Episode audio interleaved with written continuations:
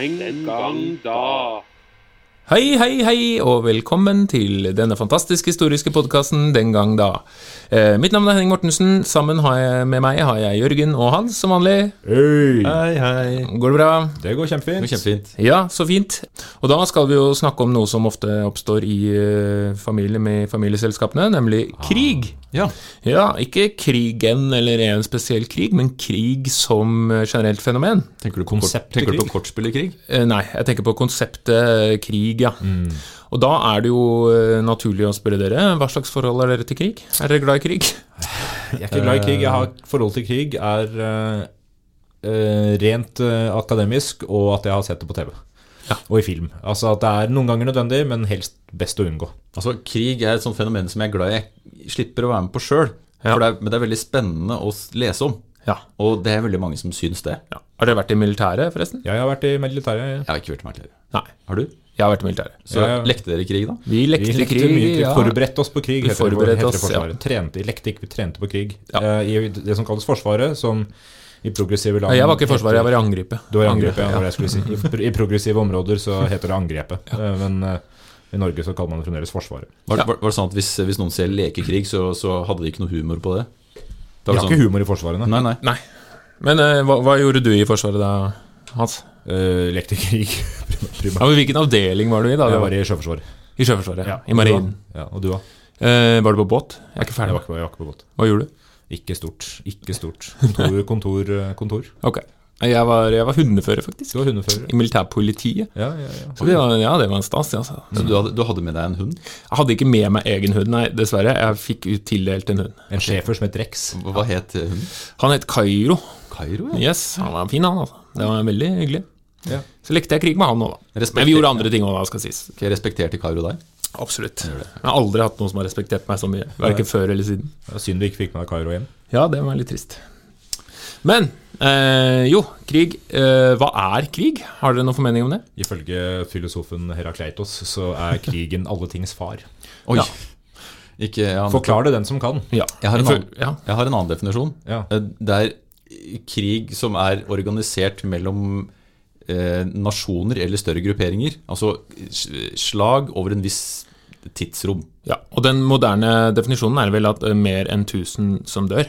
Tror jeg det er lagt inn som en sånn betegnelse. Hvis det er under det, er det Altså- væpnet konflikt? Eller? Ja, eller For det første så må det jo være en krig Altså det må være eh, en mellomstatlig, fordi innad så er det jo en borgerkrig, det er jo noe annet. Men med mellomstatlige kriger er det da også er det, må det vel proklameres en krig. Det må være en erklæring. Det må være en er erklæring, fordi en væpnet aksjon det er jo bare når man går inn og gjør noe med våpen og går ut igjen, eventuelt blir der lenge. Men, Vold. Mm. for man har vært litt skeptiske til å erklære krig.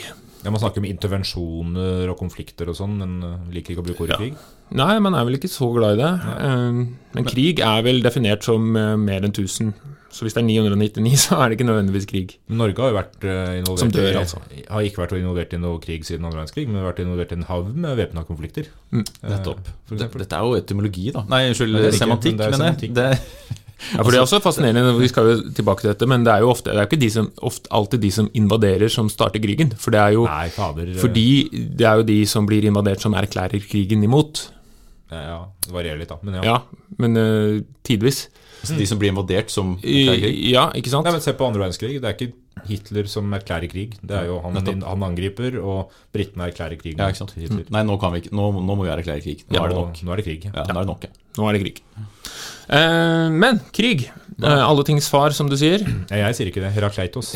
Ja, eh, Men når begynte man med krig, da? For hvis vi skal gå litt kronologisk gjennom, eh, med gjennom krigens historie. Ja, altså, hvis vi skal snakke om krig mellom nasjoner, da, så blir det jo veldig spesifikt eh, på, i nyere moderne tid, ettersom nasjonsbegrepet ikke er så gammelt. Men, men eh, hvis vi skal gå til arkeologien, da, altså førhistorisk tid, før man eh, skrev, skrev historie, så leter man i beinrester og hulemalerier. Og hulemaleriene de er flere titusen år gamle, og der finner man eksempler på mennesker som kriger mot dyr. Det, det er det Jakt. det, jakt, ikke sant? Så spørsmålet er når, når begynner mennesker å krige mot hverandre i større skala? Eh, Og det er det vanskelig å finne noe eksakt tidspunkt på. Men man har funnet hulemalerier som er ca. 7000 år gamle. hvor man mener å tolke Det er vanskelig, for ofte er ikke tegningene så gode. De var ikke så flinke til å male alltid. Men det er eksempler på da mennesker som har piler i seg, som kan indikere at mennesker har drept hverandre. Og vi er, vi er helt sikre på at det ikke var pinnsvin. Relativt. Okay. Og så har man også funnet da massegraver. Eh, Det er en, et annet eksempel, eh, som er eh, også rundt 7000 år gammel, eh, gammelt, med 26 mennesker. Eh, Flertallet var eh, barn under seks år. Grusomme greier. Eh, Som man mener er et eksempel på at en gruppe mennesker har angrepet en annen gruppe mennesker. eh, Som en samlet tropp. Og det er jo noe av nøkkelen med å kalle det krig. Altså Du må organiseres på en eller annen måte. Ja. Så, så du må ha et samfunn som er mulig å organisere. Du må ha noen som kan lede de menneskene. Ja, for det, det er jo utfordringen med uh, altså førhistorisk tid og tidlig, altså tidlig jeger-samlersamfunn. Det er lite kilder, men man kan vel anta at man, de har slåss. Ja. Eh, at de før liksom, mellom ja, man har slåss. At ulike stammer eller ulike grupperinger har gått imot hverandre. ressurser eller slåss om eh, områder. Ja, og I denne enkelte graven altså, så fantes, fant man også eksempler på at menneskene var skadet av våpen. Altså De hadde uh, skuddskader eller uh, kraniebrudd som følge av klubber eller uh, spisser. Ja. Så man ser at menneskene ikke har dødd av dyr eller av ulykke. Det er mennesker som har påført skade. Ja. Så hvis det er et visst omfang, så kan man kanskje begynne å snakke om krig. Ja. Men før vi skal snakke om sant, mer sånn For behovet for hva skal jeg si, både militærvesen og forsvar og angrep og territorial, territorial blir det vel, kontroll, kommer jo med jordbruket.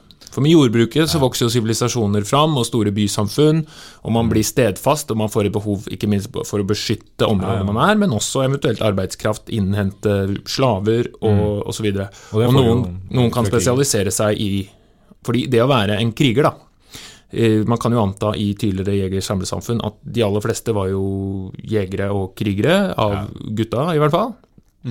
Krig, eller i hvert fall var med på forsvar og var med og kriga i ulik grad, men i, i, med jordbruket så blir jo også krigs, eh, krigen profesjonalisert til en viss grad. Man får profesjonelle soldater tidvis, men også liksom at flere bondesoldater og sånn er det jo mange eksempler på.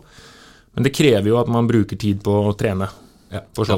Og hvis man har et samfunn som er organisert rundt jordbruk, så har man også allerede organisasjonen der, på et vis. Så man kan også avlede det til andre oppgaver i samfunnet, i større grad enn i et jeger- og sankersamfunn, hvor man lever mer fra uke til uke og samler mat. Ja, I, et, I et jordbrukssamfunn så må man organisere det for at om noen måneder så må vi ha gjort dette, eller om et år så må vi ha gjort det her, og da kan man planlegge på en annen måte. Ja, ha krigssesonger osv. Ja. Og krig kan være med, altså, eller militæret, da, om du vil, eh, kan være med å legitimere makt. Si at du trenger oss for at vi skal beskytte deg. Du trenger Jeg er styrer over deg, og det trenger du fordi vi, har- vi har soldatene, og vi kan være med å beskytte deg hvis noen kommer og skal drepe deg. Ikke sant? Profesjonalitet i, i militæret. Da. Ja. ja.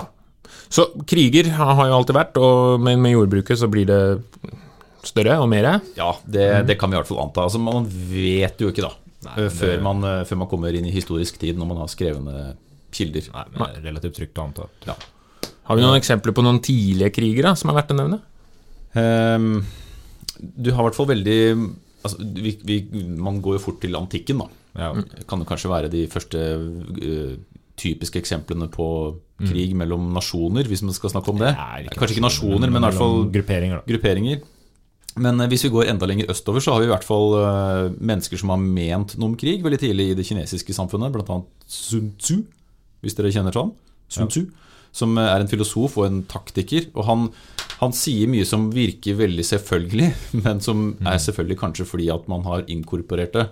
Dere kan få et par sitater. Ja. Altså det, er en, det er en filosof som levde på 500-tallet før Kristus, eller før vår tidsregning. Og han har et par visdomsord her. Dere kan jo kjenne på disse og tenke hva dere mener om disse. Takk. Hvis ikke du kjenner deg selv eller fienden din, taper du hver gang. Ok. Ok? Eller eh, eh, ideal, idealet er å slå fienden uten å slåss i det hele tatt. Oi. Mhm. Og hvis man må slåss, gjør det raskt og effektivt. Mm. Og hvis du vet at du kommer til å tape, ikke slåss. Det høres ganske selvfølgelig ut. Men samtidig Ja. hvis du vet at du kommer til å vinne, slåss. Jo. Et par sånne det Men det jo, ja, når du sier at det høres selvfølgelig ut, så er det mange eksempler på folk som har gått inn i krig og vet at de kommer til å tape, men kriger pga. æren. Ikke sant. jeg så, jeg så f.eks. den eh, tredje Hobbiten-filmen eh, på TV i går. eh, Og, gratulerer. takk, og der velger jo han ene dvergen For fra, fra, et eller annet og skulle gå til å ikke joine de andre, men stå imot. da Og de var 13 stykker eller sånt mot flere tusen Ære. folk. Ære. Ja. Men, men vikt, dette, dette er de mer selvfølgelige sitatene. Men det som er kanskje er mer interessant, det er Han snakker om forberedelser. da Hvem som vinner, er allerede avgjort før slaget er i gang. Okay. Fordi han sier at uh, det er i forberedelsen og i taktikken og i innhenting av informasjon om fienden at du kan vinne krigen. Og det er viktigere enn rå styrke. Og dette er det mange generaler helt opp i moderne tid som har brukt som prinsipp, at du må innhente informasjon. Og hvis du sitter på informasjonen, så kan du også uh, velge hvordan du vil gi ut informasjonen. Også til fienden din. Du kan lure fienden din ved å komme ut med fake news. Eh, si at du er et annet sted enn du er, si at du er større enn du er, eller komme med taktiske utspill som som kan være vel så viktig som den rå styrken. Ja. Kineserne var jo eh, tidlig gode på å krige. Både bygge samfunn og krige. Ja. Eh, et eksempel på, på en måte krigs... Hva skal jeg si? Kulturen, krigs... eh, altså et fantastisk historisk eh, et funn er jo disse terrakottasoldatene, Ja. Som stammer fra vel rundt 200 år før vår tidsregning. Hvor det er ca. 8000 Altså Er det Han-dynastiet? Um, Hvis jeg ikke husker feil? Huangdi. Okay, ja. Queen Shi Huangdi. Keiseren. ja, okay. Og han, det var ca. 8000 altså, soldater da, som er gravd ned, som skulle beskytte keiseren da etter sin død. Det er jo altså, det er jo De ser jo virkelig flotte ut og er jo Ja, ja, ja. virkelighetstro. Og for de, dere som ikke har eventuelt har sett det, så er jo det en veldig god kilde på, på soldatlivet, i, selv om de er jo ikke ekte. Det er jo bare Det er figurer, ja. Det er figurer, ja. Men, men de ser jo helt fantastiske ut. ja, ja. Det sier litt om organisasjonene som ligger bak, da. Ja. Eh, Men da er vi i Kina. Da er vi i Kina. Før tidsregningen. Eh, Men du nevnte antikken nå. Ja. Og hvis man går til, altså, hvis man går til den europeiske antikken, da, for å si det sånn, altså den greske antikken, som kanskje er liksom et av de tidligste eksemplene vi har på Eller de største hvert fall eksemplene vi har på, på måte, organiserte eh, krigersamfunn, for å si det sånn. Eller det vil si eh, der krigen spiller en viktig rolle da, i samfunnsstrukturen, så har de jo i polistaten i Hellas, ikke sant, Aten, Sparta osv., som selvfølgelig har forskjeller i hvordan de forholder seg til krig, men der, der krigeridealet er viktig for alle. Eh, For å være borger så skal du også være kriger, ikke sant? Og Det ser vi også hvordan altså Hvis vi Litt historisk kontekst, så har jo eh, Altså Vi har jo palassivilisasjonen på, Gre- eh, på, på, i Knossos, eh, som er rundt 2000-1200 før vår tidsregning, da, som går under. Og så er det de mørke århundre fra rundt, når det går ned, til rundt 800 før vår tidsregning. Og så kommer disse polisene fram. Og det er jo i takt da som bedre altså med jern. da, ikke sant? Man kommer inn i jernalderen og får jernvåpen, ikke minst. Og så vokser disse greske bystatene, der får jo krig en veldig viktig for, altså viktig betydning for hvordan man organiserer samfunnet, som du sier. Og man velger å gjøre det ulikt. Men Aten og Sparta er jo mest kjent, selvfølgelig, og også velger å løse oppgaven med krig veldig ulikt og får veldig ulike politiske konsekvenser. Ja, Sparta er jo et sinnssykt eksempel, som man uh, må jo bruke som et Altså, det, det er på en måte en typisk polistat, men den er veldig annerledes enn veldig mye annet. Men det er jo et krigersamfunn som man neppe har sett maken til etterpå. Ja, absolutt. Det er jo gjennommilitarisert. Eh, Militær, altså det er jo ikke en, det, var, det har jo blitt sagt om Prøysen at det var jo ikke en stat med en hær, men en hær med en stat. Og Sparta var jo i aller høyeste grad eh, en stat, eh, eller en hær med en stat. Alle borgerne måtte gjennom denne treningen, og det var militærtrening fra sjuårsalderen døgnet rundt. Og det var primært det de drev med. Det var primært det du De skulle hadde gjøre. Andre som drev jorda for Yes. deg fordi de skulle krige. en spartansk borger var kun en kriger. En slags elitekriger, da. Ja, Ja, ja. Men sammenligner du da med Aten, som er en mer sånn mainstream eh, eksempel på, på, et, eh, på en polistat, så, så er du både kriger, borger og bonde. da. Fordi du, du skal liksom ha alle de tre rollene. Du har jord, det gjør deg til borger, men når du har jord, så kan du også ha nok penger til å stille med militærutstyr, eh, uniformering og våpen, og da er du også kriger. Og så får du politisk status avhengig av hvor, hvor mye nedslag du har i felt. da. Og det nedslaget får du jo ut ifra hvor mye utstyr du har, f.eks., hvor mye tid du har på hånden til å trene. Så jo bedre du er i krig, jo mer penger du har, så får du også mer eh, politisk og sosial eh, status. Men der går jo også den forlangsstrategien eh, Altså det at man skal være, stå sammen i sånn skjoldborger, og man skal stå skulder til skulder, er jo viktig da også for at flere av de småbøndene da, om du vil, kan være med å stille på lik linje, nettopp fordi man trenger noen leggskinn, og man trenger et skjold, og man trenger noe sverd, og så, og så er det stort sett det. Man liksom alle klarer, eller ikke alle, men mange klarer med litt ressurser å stille til krig, og fellesskapet, altså fotsoldatenes uh, storhetstid her, da, ikke sant. Veldig mange er tilgjengelige for å være med inn i krigen, så lenge man Og da får man jo også politiske Ja. Og Det du snakker om nå, er det som kalles en hoplitt-taktikken. Hoplitt-strukturen. Ja. Hvor en hoplitt er jo da en soldat, ikke sant. Og så, og så ser man jo hvordan eh, alle som da har råd til å stille som hoplitt, kan være med i krig. Eh, og de får da disse politiske rettighetene i tillegg. Og hvis det er sånn at eh, Og det kriges. Ja, og det kriges. Og hvis samfunnet da trenger flere krigere, flere hoplitter, så kan man fordele jorda jevnere utover befolkninga, sånn at hver enkelt jordeier da kan stille som soldat i tillegg. Og da får du jo plutselig flere soldater, og du får også ja, La oss kalle det demokrati, da. Eller i hvert fall mer fordelt jord. Sånn at det, det påvirker liksom den sosiale og økonomiske strukturen også. Ja, og, og samfunnet dreier seg jo veldig mye om krig. Ja, sånn det er fellesskapsorientert. Ja, og, uh, vi har vært innom, innom det her i en tidligere episode om antikken, men, men kort fortalt, det spartanske samfunnet handler jo om at du skal oppfostres som en soldat. I, i, så langt som at du tas fra foreldrene dine og lever i kaserner sammen med de andre soldatene og skal liksom trene og øve. Det er en slags sånn toppidrett på et vis. At det, du vier livet ditt til krigen. Men eh, denne, denne hoplittfalansen, altså alle som har sest, eh, lest Asterix, vet hvordan den ser ut. Disse skjoldborgene som møtes på slettene etter avtalte tidspunkter og braker sammen. Det er jo måten man, man kriger på. Og de som er i første linje, de, de, de dauer stort sett og blir brukt som uh, snømåker eller eh, sandmåker mot Ja, andre. altså poenget er at du, du, altså, du, Vi ser et skille her fra liksom, la oss si 600-tallet. Da.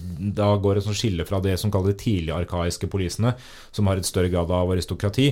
Og aristokratisk krig var liksom greia at eh, aristokratene er de som kriger. Og da er det også større rom for individuelle bravurer, altså bragder på individnivå. Og de krigerne som kan bryte ut og være store krigere, det er ikke så stort rom for dem innafor den hoblittstrukturen. det er- samholdet som ja, som skaper Du skal ikke bryte ut av rekka di, du skal stå der og beskytte på høyre og venstre side over deg eh, for, å, ja, for å være en skjold, da. et skjold for alle andre. Men det er, det er veldig sånn regelstyrt måte å krige på. Du må, altså det passer jo ikke inn i skogen å og være Nei, i en sånn sånn det er liksom formasjon. primært på slettene. Du må, du, ikke sant, du må møtes der. Ok, Skal vi krige i morgen? Ja, greit, da møtes vi der. Og så braker vi sammen. Så det er begrensa strategi, det er det. Mm. Men vi ser det er sånn interessant hvordan krig eh, i disse greske samfunnene var en viktig del av kulturen. Altså Vi ser hvordan idretten også bærer preg av det. Det begynner med olympiske leker, delvis som en sånn eh, Altså rituelle kriger. Ja, rituelle kriger, rett og slett. ikke sant? Eh, Men i alle idrettene som man begynte med, er jo Altså Grenene minner jo om noe du gjør i krig. ikke Ja, ja. sant? Du kaster spyd, du bryter, du løper. Det gjør man gjerne i krig. Man hopper over høye hindringer. Du hopper, prøver å hoppe over lange hindringer. Hva med, hva med diskos? Altså fysisk Diskos styrke, da. kan du kaste. Ja, ja, fysisk styrke. Så idrett og krig er jo nært beslekta. ja, Sånn er det jo i norsk eh, samfunn nå. Det første idrettslagene var et skytterlag i, i, Ja, ja, i og, norsk og idretten var jo lagt under Forsvaret, sant. Forsvarsdepartementet i mange år i Norge. Så, så det er klart at det her henger sammen. Eh, Men også, jeg leste noe om navne, navnkultur i Hellas som var prega av krig. F.eks. at uh, forskjellige ord knytta til krig har gitt opphav til navn. Da, sånn som at uh, krig, uh, polemos, har blitt til uh, Polemarkos, navnet. Her Stratos, uh, har blitt til Pestistratos. Så man legger inn disse navnene, eller ordene i, i navn, da, eller seier. F.eks. Nike, da. Nikolaos. Mm. Eh, Nikesko. Nike, nettopp. ja, Atene Nike. Den gang da. Vi har et annet rike da, som dukker opp eh, rundt 500. Mm. Romerike, ja, de, er jo også, de var jo best til å krige, Ja, de- kan man vel eh, Mange ja. påstår det. ja, for, altså, sin de, de var jo best fordi de oppnådde mest, eh, kan man jo si. Ja, Fordi- over tid. Over tid, ja. For i Romerike så var jo altså krig for romerne var ikke unntakstilstand, det var normaltilstand. Mm. Det var alltid krig. Og de også begynte jo med pr- prinsippet om borgersoldater. De gjorde jo det. Borger, borgerhæren, ja. Ikke sant? Altså Var du borger, så skulle du også, altså romersk borger, så skulle du også være soldat, da. Ja. Og hvis vi snakker om utover i republikken, så så snakker man om verneplikt på 20 år. Altså det, det er det du skal legge i, i militærtjenesten. Som, Ja. Eh, I hvert fall på det mest ekstreme. det ikke- men- var det ikke men- 25 år? Jo, det enda mer ja, men, det, men, man, men det er en, en tid da man har gått over til uh, profesjonell her, og det er en litt viktig, det er litt viktig skille her, fordi de, de har den der falangsstrukturen, altså, mm. sånn som hoplittene i, i Hellas, da, fram til, altså i kongetida i hvert fall, da, fram til eh, eh, ja, blir det, 500-tallet Ja. uh, omtrent, og så begynner de å og så begynner de å profesjonalisere hæren etter det. Eh, gradvis framover rundt år 100 før Kristus. Og det er jo også da vi ser den største ekspansjonen. Når de får en profesjonell hær der folk verver seg og er i Forsvaret i flere år. Og kanskje de får jord eller en eller annen form for pensjon når de er ferdige der, men de kan være der i 25 år, ja.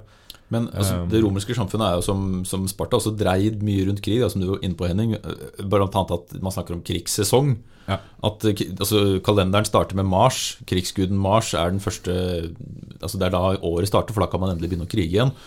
Um, og så har man, uh, så har man uh, templer som ærer uh, krigssesongen framfor fred. Eh, og æren som man henter både som soldat, men også som, senere som, som leder i krig, blir vel så viktig som det politiske systemet. Det blir det politiske systemet utover i republikken. Ja, ja, fordi krig, gjennom krig så kan man jo både overta nye områder, og man kan un- underlegge seg områder, og få krigsbytte, man får slaver, ikke minst.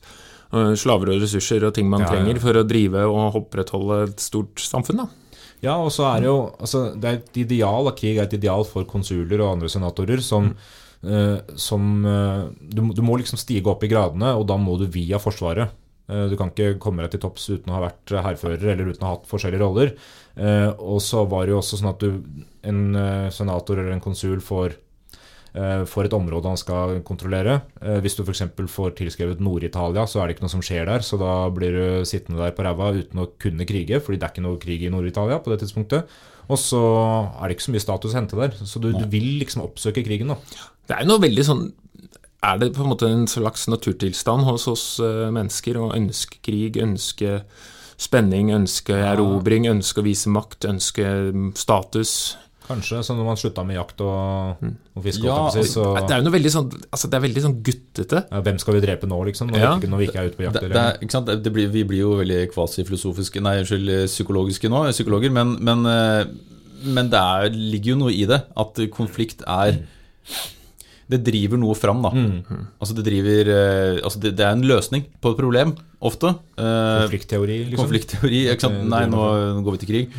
Eh, men det driver jo også et samfunn framover, da, sånn som Romerike, som innhenter krigsbytte, også, som er i stor grad personlig drevet av konsulene, som du nevner. At du har liksom, Hvis du er konsul, så har du gjerne i republikken ett år på deg til å innhente penger. Og da ok, nå må jeg bruke det året så godt som mulig. Da må jeg krige for å få krigsbytte. Men så er det også sånn at staten kontrollerer såpass mye her at, hvis, at du, du bør jo da ha fått et område som det faktisk er mulig å krige i. For Hvis du f.eks. får Nord-Italia hvor det ikke er konflikter, så er det ikke helt eh, det er ikke sett eh, med Hva heter det? Det er, det er uglesett hvis du velger å gå til krig allikevel, uten at, eh, uten at Senatet har bestemt det på forhånd. Men så har du noen da som beriker seg mer enn andre i Romerriket. Og her må vi nesten nevne Cæsar. Ja, Julius Cæsar, ja. Som et eksempel på en som virkelig utnytter modellen. Altså Han er jo den perfekte romer, egentlig. Han er retoriker, han er eh, general, han er taktiker, han er eh, smart, og han er en som folk hører på. Og det, han er jo den som til slutt velter republikken, fordi soldatene har troskap til han, og ikke staten. Jeg har vært i børsen med han i veldig mange år. Ikke sant? Så hvis, du, hvis du har vært i militærtjeneste i årevis, og så har eh, Cæsar vært generalen din, så er det han du hører på, framfor at staten sier at nå skal du hit. Mm, For det er jo så, Når det kommer til krig, det er jo en, en, en problemstilling som alle ledere må forholde seg til. Hvordan skal vi få For det er jo ikke lederne selv som slåss. Det hadde jo vært enkelt, én mot én. Men det er jo hvordan få folket til å slåss for deg, da. Fordi det å, å krige er jo til syvende og sist å risikere livet. Det er jo en farlig sport. Ja, Ja. Så hvordan skal du få de til Det er utroskap, en slags følelse om det er nasjonal tilhørighet, eller om det er religiøs tilhørighet, eller om det er tvang, eller om det er penger, eller om det er Og det har jo blitt løst på ulike måter. Sant? Hvordan få eh, stort sett unge gutter da? Eh, til å både risikere sitt eget liv og ta andres liv. Ja, og Det bør kanskje også nevnes det religiøse perspektivet her òg. At eh, ved å være i krig, så er det veldig mange kulturer, ikke bare det romerske, som, som, som har det som ideal å dø i strid. Ja, Og, og, altså Enten så dør du i strid, eh, og altså hvis, du, hvis, hvis du kjemper i en hær og dør i strid, så kommer du til, eh, til et bedre sted. Hvis du ikke dør, så får du kanskje med deg krigsbytte. Så du, det er mulighet til å berike seg uansett. det er vinn-vinn, da. Det er vinn-vinn å være i krig. Og, det. For, og nå er vi jo i, må vi jo snakke om vikingene, fordi vikingtiden er jo også en sånn tid hvor krig var en integrert del av Eller ja, og plyndring og slåssing og et, kall det et maskulint, eh, brutalt ideal, da, sett fra vårt perspektiv. Ja, altså Det å komme til Valhall er jo idealet ja, ja. For, eh, for de norrøne vikingene. Og da, da jeg, vet ikke om man kan si at de ikke var redde for å være i krig. Det er Altså, det, er, vanskelig å si. det, det var nok folk var nok det. Ja. Men eh, Men de har jo blitt fremstilt som fryktløse, og var det kanskje i, altså oppsøkte kanskje konflikt i større grad enn mange andre. de gjør det i hvert fall. Men også fordi altså vikingene var jo heldige med timinga, da. Med tanke, altså jeg har jo ofte fundert hvis vikingene hadde på en måte hatt de samme båtene 700 år før, da, og kommer, eller ja, og kommer til Storbritannia og Sentral-Europa og, og hadde møtt romerne, Ja, det er sant? så hadde de jo kanskje ikke klart å erobre og tokte så mye som de gjorde. Eh, 400 år seinere og møtt mongolene. Så, så, så vikingene var heldige med timinga, at det var lite sentralstyre på der det, ofte de områdene de møtte. Møtte ikke, kanskje ikke den motstanden. Så, for? Norge er jo litt sånn utenfor avfartsvei i dag, og var i hvert fall, eller Skandinavia, og var i hvert fall da lite folk langt borte, men de klarte allikevel å sette et så stort spor etter seg, nettopp fordi Ja. det var det var lite folk og lite organisering alle steder. Ja. Men der var jo krig en viktig, viktig del av kulturen, og tanken om at ikke, ikke bare krig som at vi skal ut og erobre, og vi skal være store og sterke, og vi skal skaffe oss land og rikdom, men ikke sant? det var jo ikke noe sentralmakt, så det var jo det å skulle beskytte sin egen ære ikke sant? gjennom makt. Blodhevn var jo pålagt. Ja, ja, ja. Ja, krig som opprettholdende faktor, da, at du opprettholder makta og strukturene ved å krige jevnlig. Ja, og det, og det driver jo også konfliktene framover. Da. Sånn som de klassiske vikingraidene hvor man kjører rundt i Europa og ser hvor det er eh, lett å hente bytte. Ja. Og, eh, og gjør det fordi man kan, og fordi man ser at man kan utnytte svakere stilte områder. Så krig, altså så langt har så vi har kommet fram til vikingtida, da, hvis vi skal tekle kronologisk, så er jo krig egentlig ganske pragmatisk. Så det handler om å skaffe seg makt, territorium, eh, Ja, rikdom. Og der, øh, bare for å rygge litt tilbake igjen, så ser vi i hvert fall hvordan da romerne topper dette her ved å være de, kanskje de som i størst grad inntil da har ekspandert pga. krig. Altså Vi ser i Hellas så ekspanderte man liksom ikke så mye. Man beskytta området sitt i konflikter, men man tok ikke så mye nye landområder hele tida. Aten ble jo en lite, lite område, samme gjorde Sparta. Roma vokste jo helt fabelaktig eh, gjennom krig, da. Også fordi de brøyt reglene for krig ved at de tenkte nytt stadig vekk. De holdt seg ikke til de gamle formasjonene på, på slagmarken. De, de endra strategi ut ifra omgivelser og motstander. Og da skal du også si det, Man kriger jo ikke for å altså Man gjør noen ganger det sikkert, men kriger jo ikke for krigens skyld. Men krigen er jo en løsning når man ønsker å påtvinge andre sin vilje, og de ikke er interessert i det. For romerne var jo også flinke på å splitte og herske og alliere seg med ulike og inkorporere ulike områder. Men romerne også er jo en særstilling fordi, de, fordi det, det blir så stort at de er avhengig av inntekt. Og plyndring blir en del av inntektsmodellen til Ja. Og da gjør man seg på en måte avhengig av å fortsette å krige Ja, og legge under seg nye områder. Det er Pax Romana-ideen, altså fred internt, men krig utad. Ja. Eh, men, du, men det er for all del. eh, når de da får flere og flere folk på sin side, så får de også flere soldater.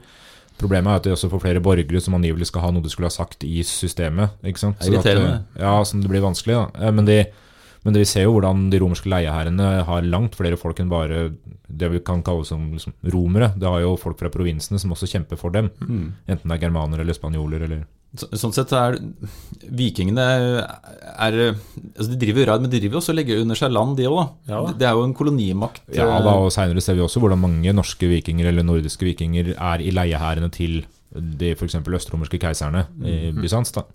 Så de drar jo rundt og er ikke profesjonelle krigere, de òg.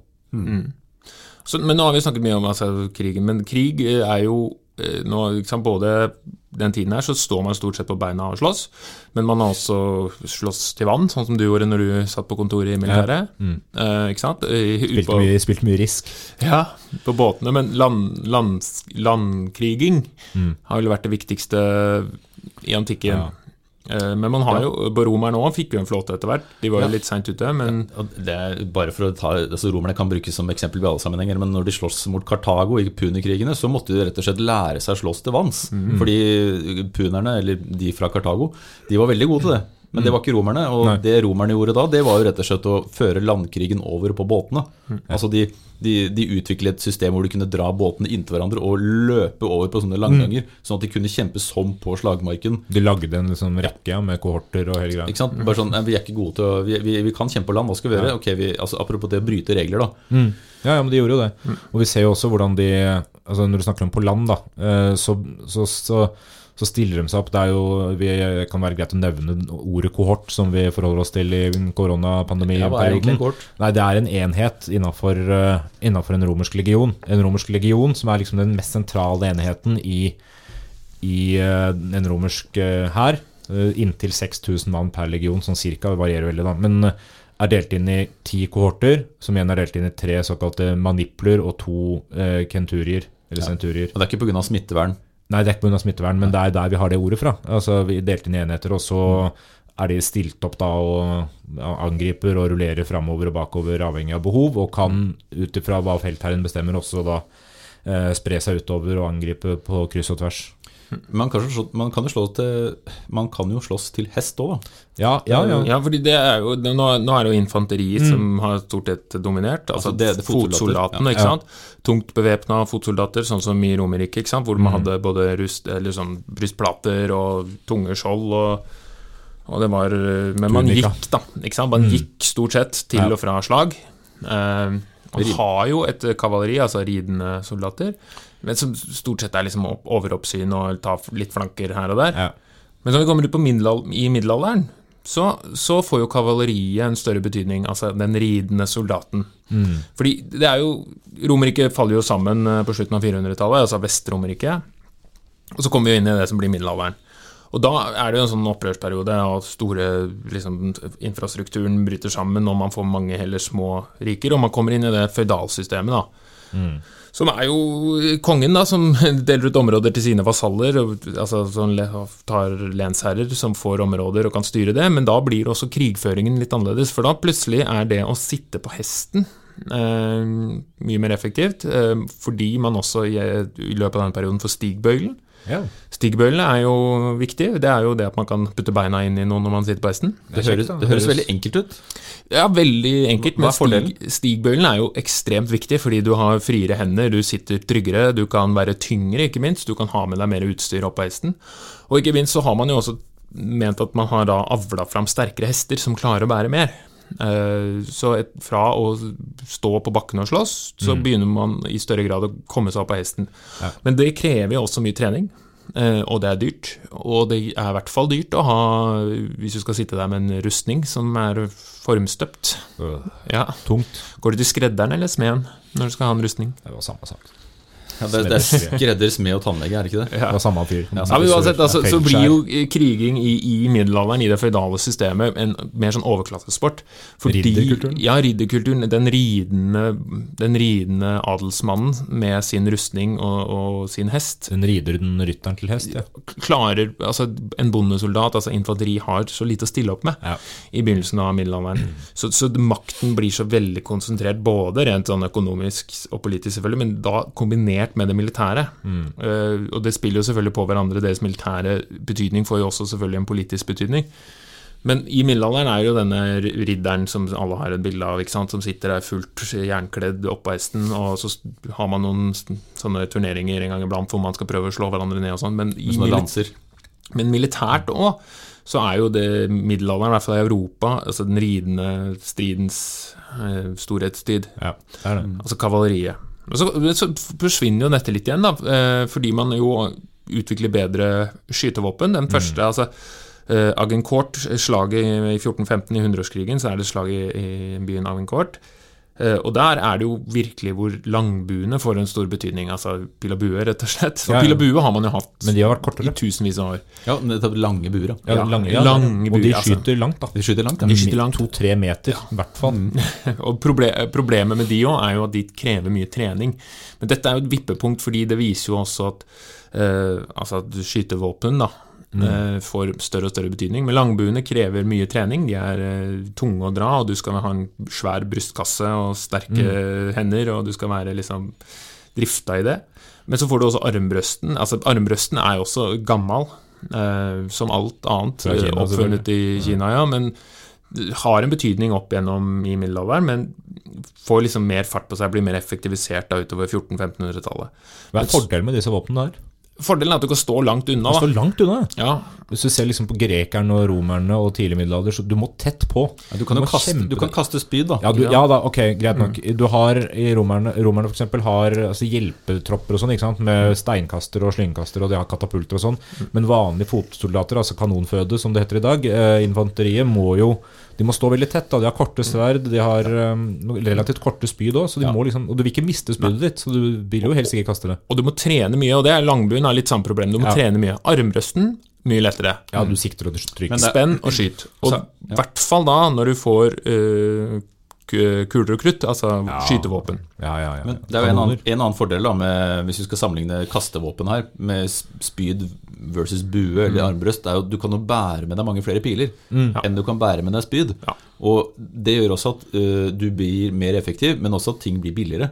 Kan jeg stille, ja. kan jeg stille et litt eh, quiz-spørsmål til dere? Morsomt. Ja. Hvor, eh, hvor var det man oppbevarte pilene sine? Ikke et kogger. Jo, hvor var det man hadde kogre? Eller kogger?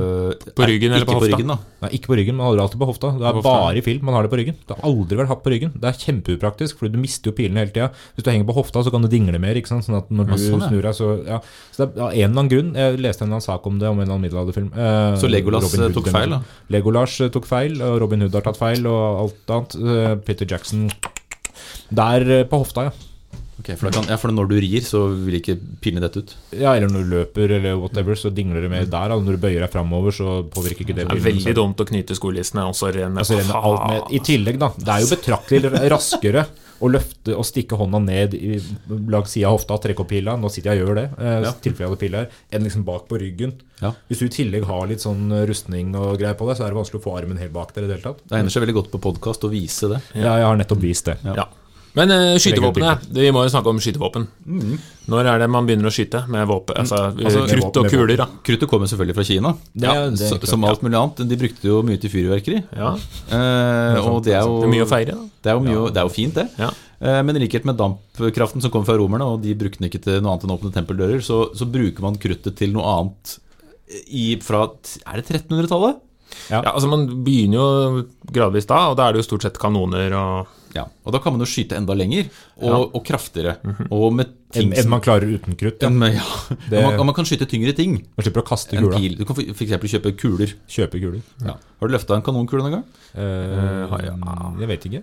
En sånn kettlebell er ikke så langt unna. Nei, men det ligner jo litt, da. Mm. Uh, og de første kanonkulene var jo runde, ikke sant? Uh, og så ja. Det, det er jo den klassiske kanonkulen. Den Det- moderne Derav kanon- navnet kule. Ja, nettopp. nettopp. Mm. Så fikk man eh, litt andre typer spisser på dem etter hvert, men det er lenger fram i tid. Men, med granat. men det gjør jo også at man kan skyte lenger, og eh, det gjør jo også at organiseringen av krigen og krigføringen blir annerledes. Ja, både til lands og til vanns. Ja, fordi man kan også skyte fra Ja da, du har kanoner på båter. Ja. Og, ikke sant, eh, Agent Kort var i 1415, man hadde jo på en måte kanoner og den type Mm. eh, ting da, men det tar jo litt tid før dette virkelig får betydning. Eller det tar ikke så veldig lang tid, for rundt 100 år seinere, da, sånn utover 1500-tallet, så blir det mer og mer vanlig. Og på begynnelsen av 1600-tallet så får det også mer effektivisert seg, sånn flintlåsmekanisme som Mm. gjør at det er mer effektivt. Fordi problemet med de første skytevåpnene er jo at det tar én, lang tid å lade. De bomber ja. mye, og ofte. Sprengte trynet på han som skøyt. Og, Og er, altså det, altså det tar litt lang Altså armbrøsten ble brukt og opp mot nesten moderne tid. Men, men fra liksom 1600-tallet så blir det mer og mer effektivt med skytevåpen. Og fordelen med skytevåpen er jo det at eh, det, det er fort lurt å lære seg. Lab her, pek og skyt. Ja. Også så veldig dødelig hvis du først treffer. Ja. Eh, Så man mister måte Man mister jo på en måte den betydningen av årevis med trening, og, og ikke minst ressursene som krever. Det koster jo selvfølgelig å kjøpe, kjøpe et våpen, men man kan utruste en hær av vanlige folk som lett kan lære seg å være veldig destruktive. Da, altså drepe veldig mange mennesker veldig fort. Men jeg ser for meg at det er rimelig intenst å gå altså Hvis du skal tenke fotsoldat da, med gevær, så har man ikke veldig altså For typisk muskett, da, som man brukte i eh, ettermiddelalderen nå, eh, så må man jo lade den det, altså, det tar ganske lang tid å lade, som vi innom her. Eh, At du må helle i krutt, gjerne både der ved, der ved avtrekkeren og gjerne i løpet.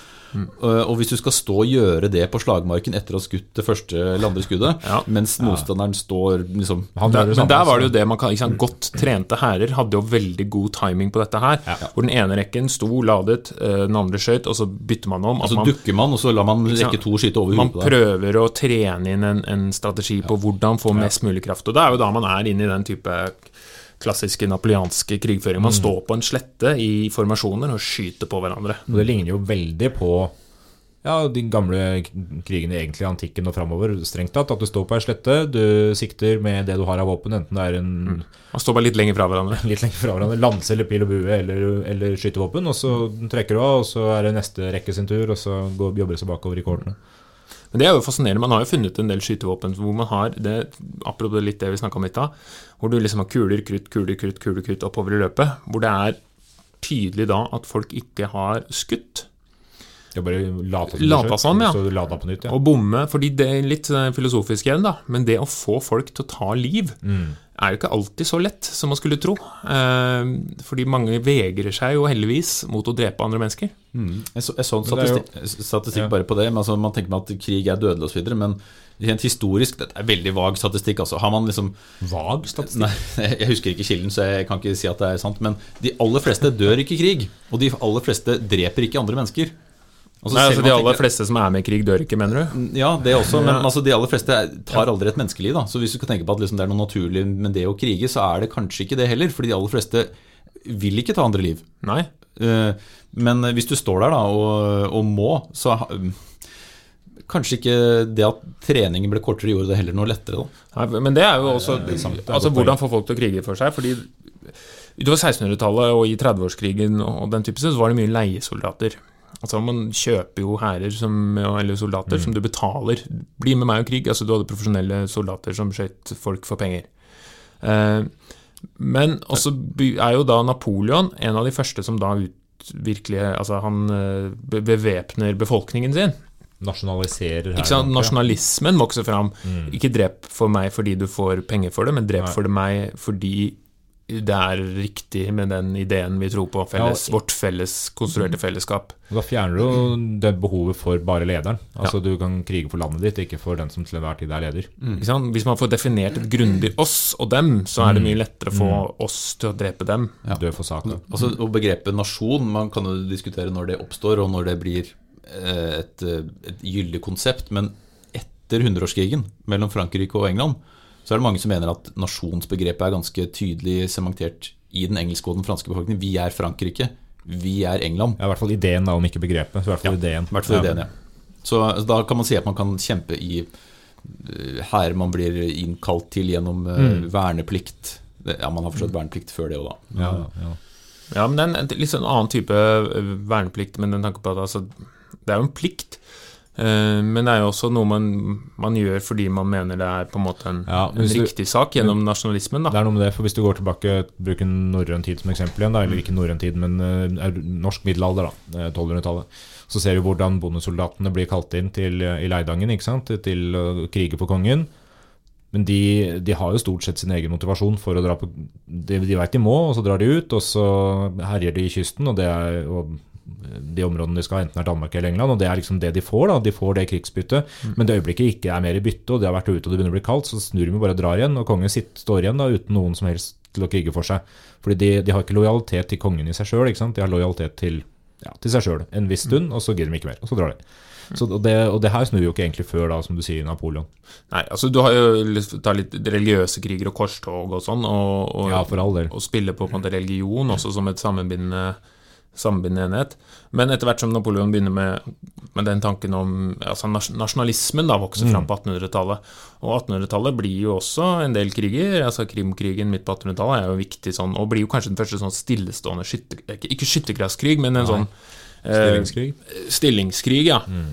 eh, og så kommer jo eh, industrialiseringen her da, på samme tid, eh, som fører selvfølgelig til ekstremt økt eh, militærkraft.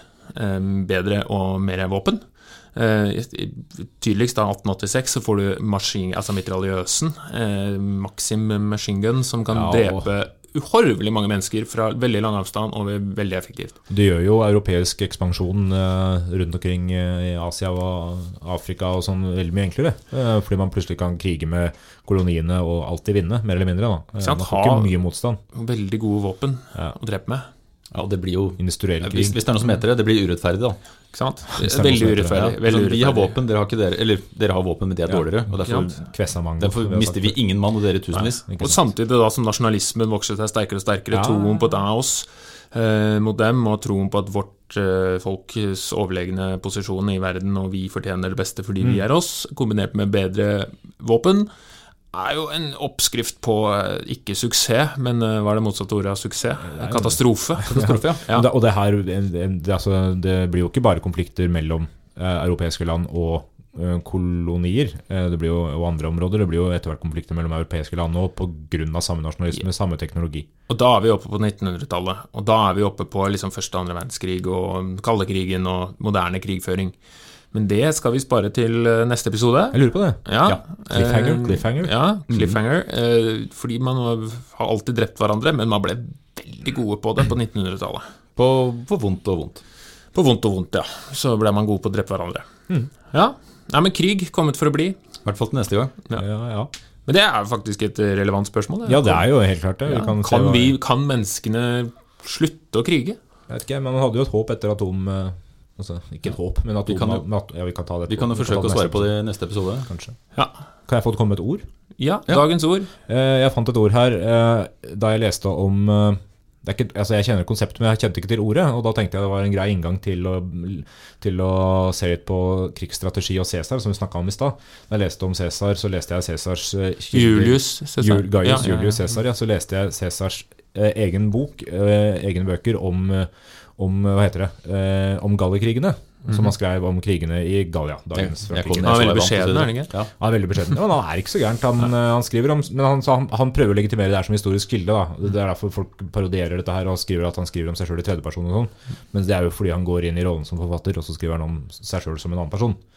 Mer eller mindre. Men uansett, ordet jeg skulle fram til her, er den, eh, den strategien han bruker for å beleire byen Alesia i 52 før Kristus, som er det slaget der eh, Vercingetorix må eh, bukke under for eh, romerne, og Gallia blir da erobra. Det er han som ser ut som Asterix, ikke sant? Han som ser ut som Asterix. sånne flotte bakkenbarter. Nei, unnskyld, barter. Barter, og Ja. som også nevnes i første Asterix-hefte, for øvrig. Eh, og ordet vi skal fram til, er sirkumvalasjon. Sirkumvalasjon. Det er ikke ekkelt. det har ikke noe med penis å gjøre. Det er, nå, nei, men Ah, okay. beklager at du alltid tenker på det, men det er ikke det, altså, dessverre, Jørgen. Sirkumvallasjon. Det betyr bare at Cæsar bygger en sirkumvallasjon rundt byen. Eh, altså Han setter opp forsvarsverk rundt denne byen han skal beleire. Og det er ganske fabelaktig omfang på dette her, for det er en relativt stor by. I byen er det 80 000 eh, galliske soldater pluss sivilbefolkning. Og han bygger da en 18 km, 4 meter høy festningsverk eh, rundt den byen. Bruker tre uker på det. Eh, det er ganske heftig. Og så innenfor der bygger han vollgraver eh, for å hindre at eh, de klarer å komme seg over på andre sida og stikke av. Men så blir han redd for at det skal komme folk fra utsida eh, og skal hjelpe galerne. Andre galere, f.eks. Så da bygger han et nytt festningsverk rundt den originale. Det blir på 21 km. Og så har han sine egne soldater inne der, og det blir kriger og konflikter utafor og rundt. Og så til slutt, hvem er det som vinner? Det er Cæsar. Det er Cæsar som vinner, ja. Eh, 60, et sted mellom 60 og 75 000 romerske soldater slåss mot ca. 80 000 galliske soldater. Og 200 000 hjelpesoldater fra andre galliske stammer rundt, eh, sier de største kildene, f.eks. Cæsar sjøl, sier det. Eh, 200 000 galliske tap mot eh, frekke 12 000 romerske Oi. tap. Eh, så her vant Cæsar, ja. Og husker jeg riktig, så tok han med seg Vercingetorix også til Roma og feiret Ja. med han i sånn slags Dro eh, slede gjennom. bak for å vise 'jeg vant'. Jeg tror det er nevnt i første episode av serien Rome. Ja, uh, at han har med der. Uh, men ordet var altså sirkumvallasjon, så da er det bare å begynne å bruke begynne å det. bruke det. Ja. ja, men supert. Da sier vi takk for nå. Da snakker vi litt mer om moderne krigføring neste gang. Ja. Yes, vel blåst. Ha det bra.